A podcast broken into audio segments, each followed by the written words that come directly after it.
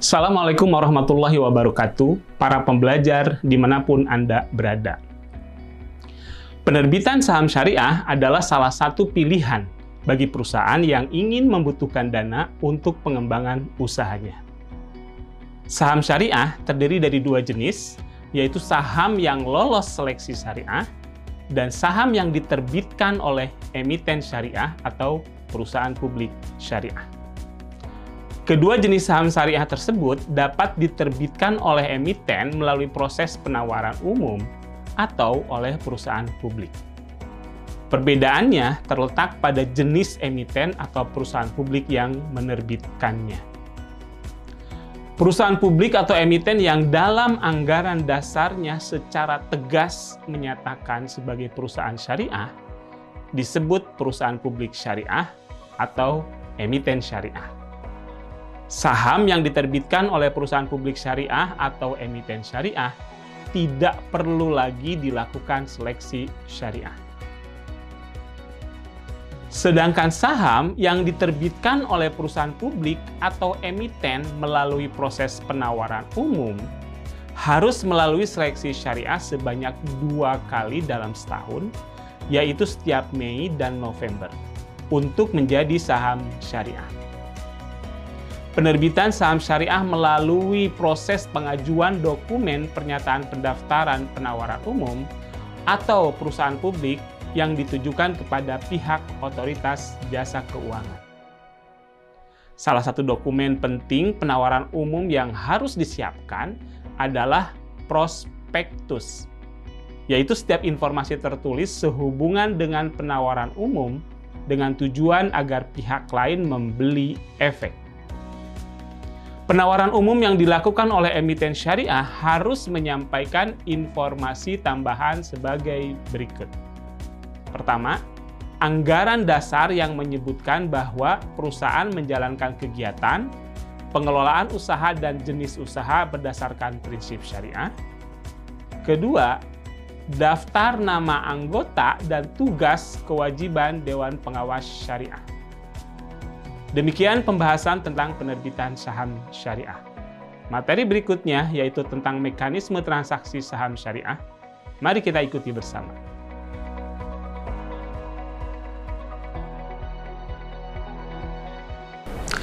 Secara umum, transaksi saham dapat dibagi menjadi transaksi di pasar perdana dan transaksi di pasar sekunder. Pasar perdana artinya investor membeli saham pada saat penawaran umum atau sering disebut dengan initial public offering atau IPO. Transaksi yang terjadi adalah antara investor dengan emiten atau perusahaan yang melakukan penawaran umum. Selain itu, investor dapat juga melakukan transaksi di pasar sekunder, di mana transaksi yang terjadi sudah tidak lagi melibatkan emiten, tetapi antara investor jual dengan investor beli melalui perantara perusahaan efek. Mekanisme penerbitan saham syariah di pasar modal Indonesia secara sederhana dapat digambarkan sebagai berikut.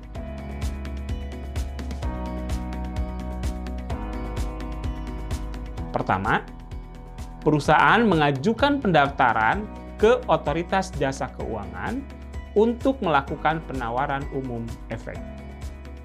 Kedua, jika perusahaan akan melakukan pencatatan efek, maka harus mengajukan permohonan perjanjian pendahuluan pencatatan efek ke Bursa Efek Indonesia. Tiga, setelah mendapatkan pernyataan efektif dari OJK, emiten dapat segera melakukan penawaran umum perdana kepada investor dengan periode waktu yang terbatas. Pada tahap ini sering disebut dengan initial public offering atau pasar perdana. 4. Jika emiten akan melakukan pencatatan saham, maka proses selanjutnya emiten melakukan pencatatan saham perdana di pasar sekunder Bursa Efek Indonesia sering disebut dengan initial listing. Terakhir, investor dapat melakukan transaksi jual beli saham syariah di pasar sekunder Bursa Efek Indonesia melalui perusahaan efek. Jangan lupa, inisial public offering berbeda dengan pencatatan perdana atau inisial listing. Dalam mekanisme pasar perdana dimungkinkan terjadinya oversubscribe, yaitu jumlah pesanan yang melebihi jumlah saham yang ditawarkan atau kondisi sebaliknya disebut undersubscribe, yaitu jumlah pemesanan yang kurang dari jumlah saham yang ditawarkan. Adapun bagi investor yang ingin membeli saham pada pasar perdana, mekanismenya sebagai berikut.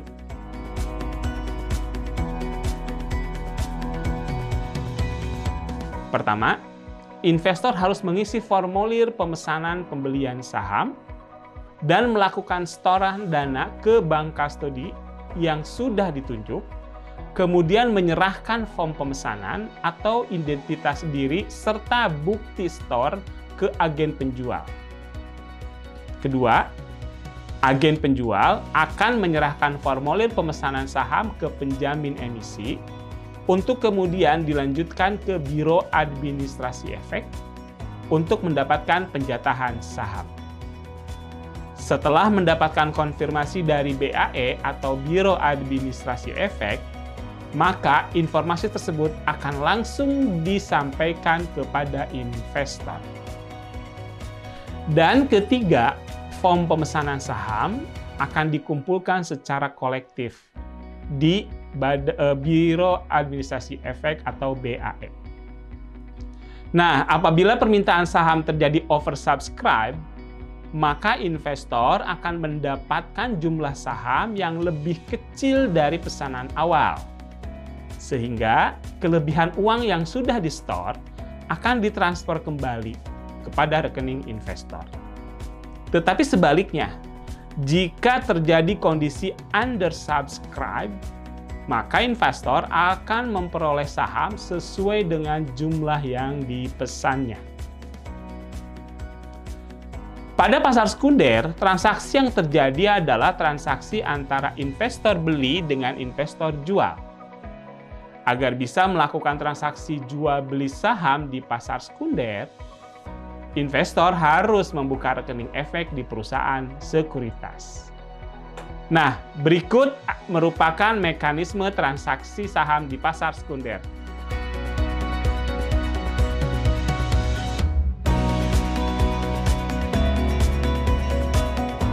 Transaksi di pasar sekunder merupakan perpindahan uang dari investor beli ke investor jual. Dan sebaliknya, perpindahan saham dari investor jual kepada investor beli. Dalam perdagangan saham syariah di pasar sekunder, transaksi saham menggunakan continuous auction atau sistem lelang berkelanjutan yang didasarkan kepada order driven market. Sehingga akad yang digunakan adalah akad by al-musawamah. Perlu diketahui bahwa transaksi yang dilakukan sudah berbentuk scriptless atau tanpa bukti fisik saham, di mana setiap transaksi minimal dalam satuan lot yang terdiri dari 100 saham. Selain itu, Transaksi di pasar modal syariah juga dapat dilakukan melalui beberapa segmen pasar, yaitu sebagai berikut. Pertama, kita sebut sebagai pasar reguler, yaitu pasar di mana proses perdagangan efek di bursa efek dilaksanakan berdasarkan proses tawar-menawar secara lelang yang berkelanjutan dengan waktu penyelesaian transaksi pada hari bursa kedua atau sering disebut dengan T plus 2. Kedua, pasar negosiasi, yaitu pasar di mana perdagangan saham dilakukan antara investor secara langsung tanpa mekanisme lelang berkesinambungan. Waktu penyelesaian transaksi disesuaikan dengan kesepakatan para pihak. Ketiga, yaitu disebut dengan pasar tunai adalah pasar di mana perdagangan efek di bursa dilaksanakan berdasarkan proses tawar-menawar secara lelang yang berkelanjutan, tetapi penyelesaiannya dilakukan pada hari bursa yang sama atau sering disebut dengan T plus 0. Demikian pembahasan tentang mekanisme transaksi saham syariah. Materi berikutnya adalah tentang penilaian saham. Mari kita ikuti bersama.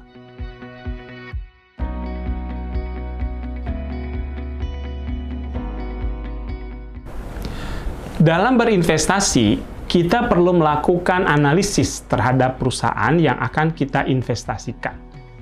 Baik itu analisis terhadap kinerja, prospek perusahaan, sektor industri, kondisi makroekonomi, maupun pergerakan harga sahamnya sendiri. Nah, secara umum ada dua jenis analisis investasi saham yang dikenal di masyarakat. Pertama, analisis fundamental, dan kedua, analisis teknikal. Namun, sebenarnya ada satu lagi yang perlu diketahui oleh investor agar investasi kita berjalan dengan uh, sesuai aturan, yaitu ada yang disebut dengan money management. Nah, selanjutnya saya akan menjelaskan tentang analisis fundamental. Analisis fundamental sering didefinisikan sebagai analisis yang mempelajari hal-hal yang berhubungan dengan kondisi keuangan se sebuah perusahaan dengan tujuan untuk mengetahui sifat-sifat dasar dan karakteristik dari perusahaan tersebut. Oleh sebab itu, analisis fundamental menitik beratkan kepada data-data kunci dalam laporan keuangan perusahaan sebagai informasi untuk melihat kondisi dari keuangan sebuah perusahaan. Analisis ini dapat juga memperhitungkan harga saham perusahaan yang merepresentasikan kondisi perusahaan sebenarnya. Beberapa faktor yang perlu diperhatikan dalam melakukan analisis fundamental di antaranya adalah satu, faktor kondisi makroekonomi yaitu variabel yang memengaruhi kinerja perekonomian suatu negara, seperti misalnya nilai mata uang, tingkat suku bunga, dan inflasi, dan juga faktor-faktor yang mempengaruhi kinerja sektoral atau industri dari sebuah e, perusahaan. Yang kedua adalah faktor mikroekonomi atau analisis yang menggunakan variabel indikator kinerja perusahaan sebagai alat untuk menghitung kinerja sahamnya saat ini. Nah, terdapat hubungan yang saling memengaruhi antara kedua faktor tersebut, baik faktor makro maupun faktor mikro. Sehingga dalam melakukan analisisnya, investor tidak boleh memisahkan di antara kedua faktor tersebut satu hal yang harus diingat dalam melakukan analisis fundamental adalah perlunya membandingkan kinerja suatu saham dengan saham lainnya, terutama yang masih dalam satu sektor industri, sebelum memutuskan untuk membeli saham tersebut.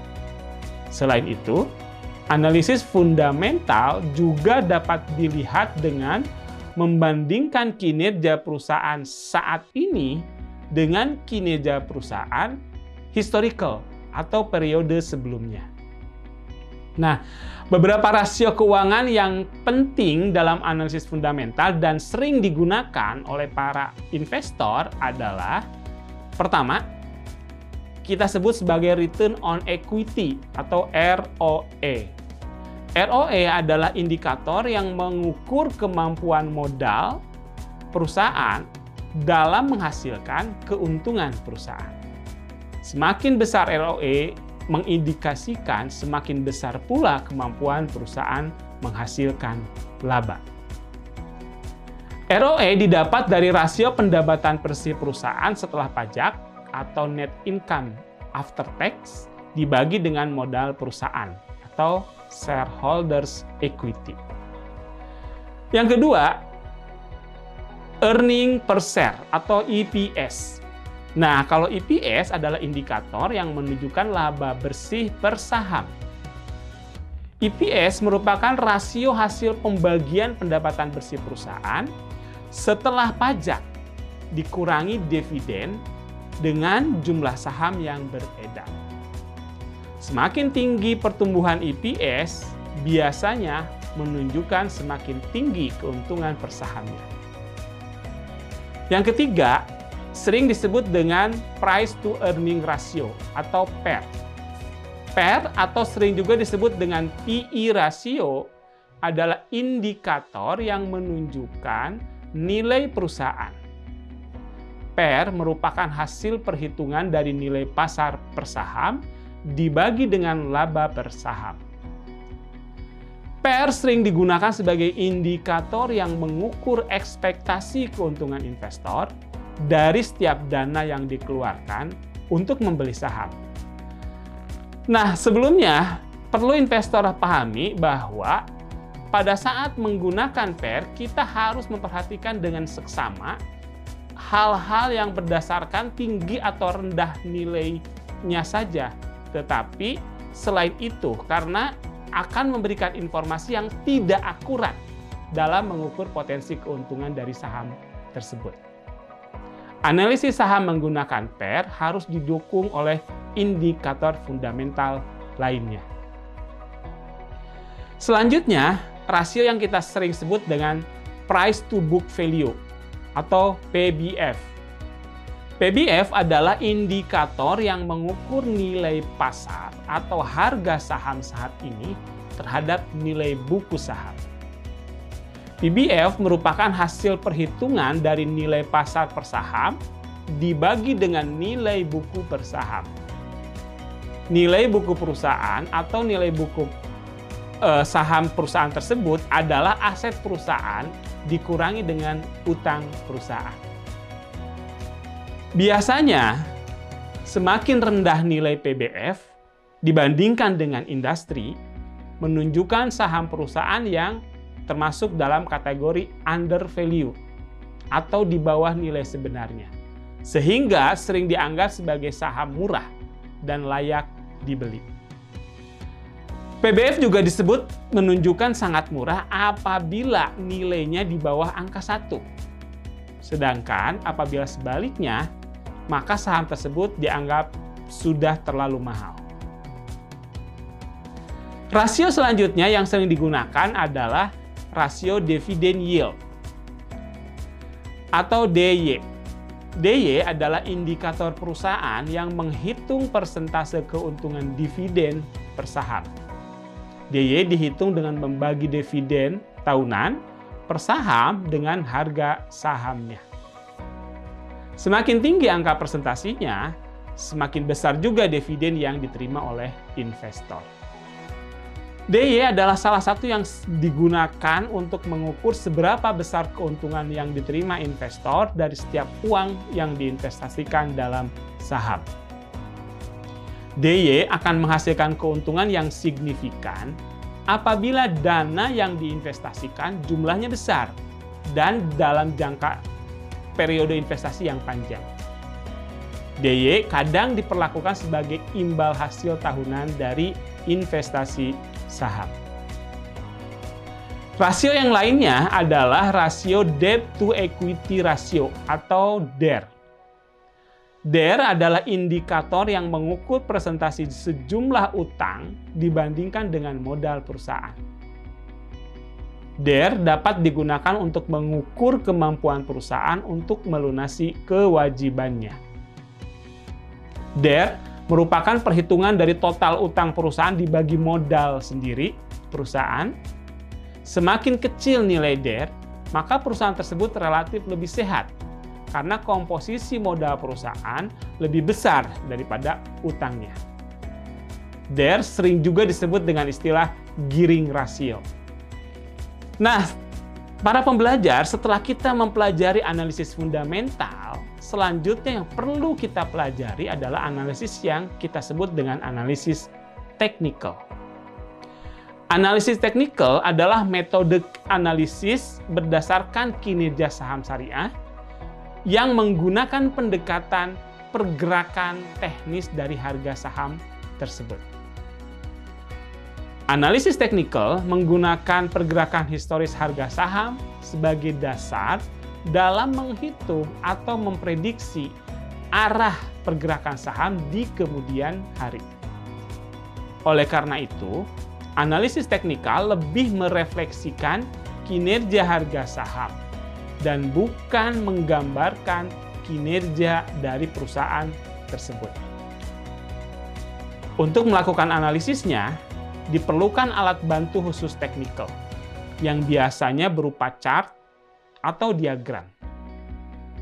Analisis teknikal berupaya untuk mengidentifikasi pola dan tren harga dalam sebuah pasar keuangan, khususnya pasar saham, serta berupaya untuk mengeksploitasi pola tersebut dengan anggapan pola akan berulang di kemudian hari. Nah, secara umum ada tiga jenis tren dalam pasar modal, yaitu pertama, sering disebut dengan tren bullish, yaitu kondisi di mana periode investor yang melakukan aksi beli secara akumulasi terhadap suatu saham lebih banyak dibandingkan dengan investor yang melakukan aksi jual. Tren bullish ditandai dengan harga yang cenderung naik dari harga sebelumnya. Lawan dari tren bullish adalah tren bearish, yaitu periode di mana investor yang melakukan aksi beli secara akumulasi terhadap suatu saham lebih sedikit dibandingkan dengan investor yang melakukan aksi jual. Tren bearish ditandai dengan harga yang cenderung turun dari harga sebelumnya. Nah, yang terakhir ada istilahnya yang disebut dengan tren sideways, yaitu suatu masa atau suatu kondisi di mana harga naik dan turunnya suatu saham terbatas dalam rentang harga yang sempit Hal ini terjadi karena investor yang melakukan aksi beli dan aksi jual cenderung seimbang. Selain mempelajari tren pasar, dalam analisis teknikal juga dikenal beberapa pola atau pattern dari pergerakan harga saham yang dijadikan sebagai indikator untuk melihat harga suatu saham akan naik atau turun. Beberapa pola yang cukup dikenal antara lain disebut dengan double bottom, double top, cup and handle, head and shoulder, dan pola-pola lainnya. Demikian pembahasan tentang penilaian saham.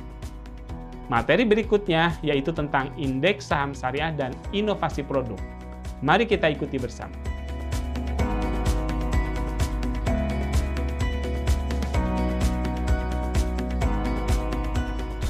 Para pembelajar semua, untuk memudahkan investor yang ingin bertransaksi saham syariah, Bursa Efek Indonesia telah menyusun suatu model bisnis yang merupakan bagian dari fasilitas perdagangan saham secara olive.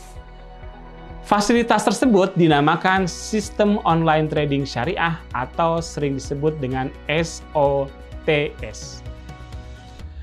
SOTS merupakan sistem perdagangan saham secara online di mana saham-saham yang bisa ditransaksikan hanyalah saham-saham yang memenuhi prinsip syariah sehingga jika investor akan membeli saham yang tidak termasuk dalam daftar efek syariah atau bukan saham syariah, otomatis sistem akan menolaknya.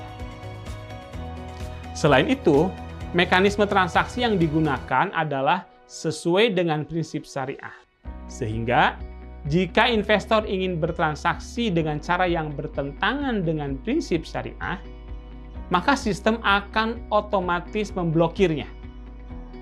Contoh, transaksi yang bertentangan dengan prinsip syariah misalnya adalah margin trading dan short selling.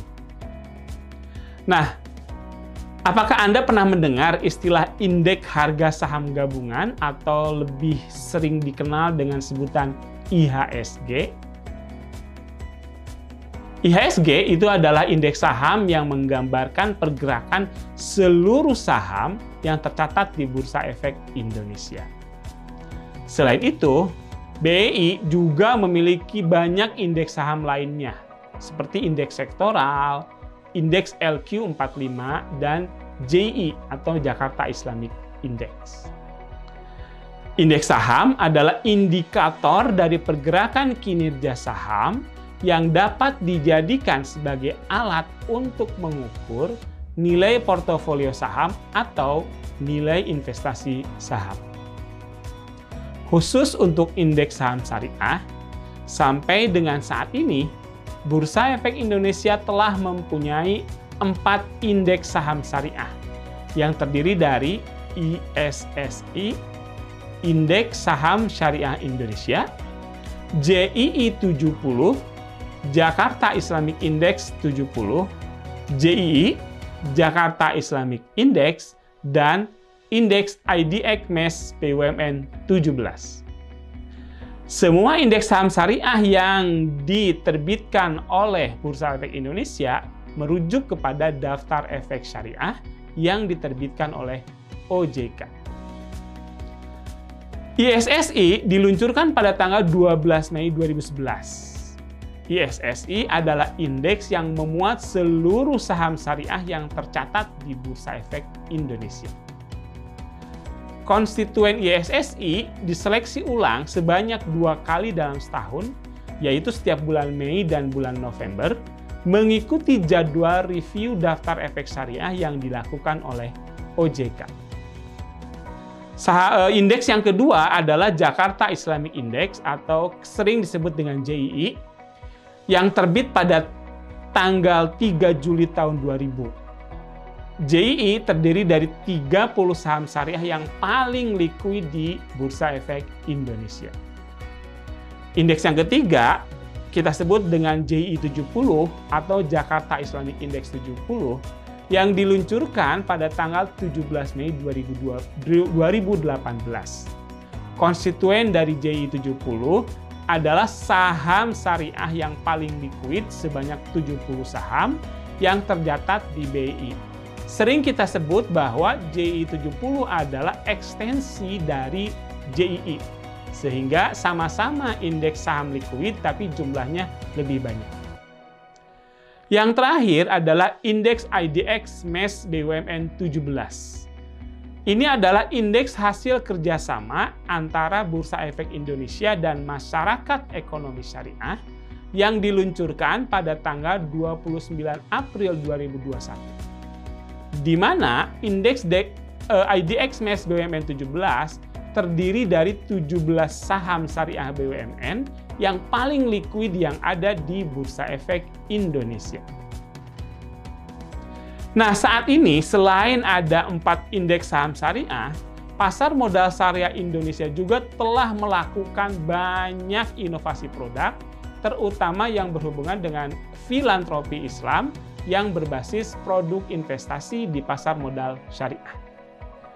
Adapun produk yang dimaksud adalah zakat dan infak saham serta wakaf saham. Pertama tentang produk zakat dan infak saham. Produk ini adalah produk yang berbasis zakat mal sehingga cara perhitungannya baik nisab dan haulnya menggunakan kriteria dan persyaratan zakat mal. Nah, zakat mal, eh, zakat saham ini khusus dilakukan oleh investor yang saham yang ingin melakukan pembayaran zakat, di mana objek zakatnya adalah saham tersebut. Investor tidak perlu mengubah saham yang dimiliki menjadi uang untuk menunaikan zakat karena investor dapat langsung menjadikan saham sebagai objek objek zakat dan ditunaikan dalam bentuk eh, saham yang distorkan ke rekening dana investor yang dimiliki oleh lembaga amil zakat. Perlu dipastikan apakah perhitungan zakatnya akan diambil dari keuntungan atau dari total saham yang dimiliki. Nah, yang kedua adalah wakaf saham. Wakaf saham merupakan pengembangan dari wakaf uang tunai atau yang sering kita sebut sebagai wakaf produktif di mana objek wakafnya adalah saham syariah tersebut yang tujuannya adalah untuk meningkatkan nilai dan fungsi dari uh, wakaf uang sehingga tidak hanya dalam bentuk uang, investor dapat menyetorkannya dalam bentuk saham.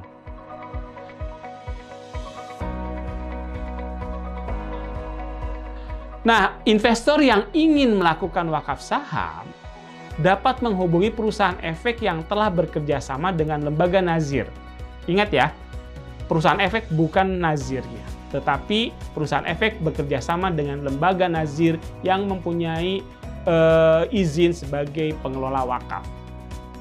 Selanjutnya, saham yang diwakafkan oleh investor diberikan kepada lembaga nazir dalam bentuk pemindah bukuan secara uh, saham to saham yang dilakukan di uh, perusahaan sekuritas yang nanti akan dikelola oleh nazir untuk kepentingan umat.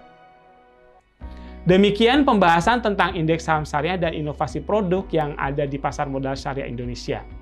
Jangan lupa selalu memperdalam pengetahuan kita tentang pasar modal syariah dengan mempelajari materi-materi yang telah diberikan.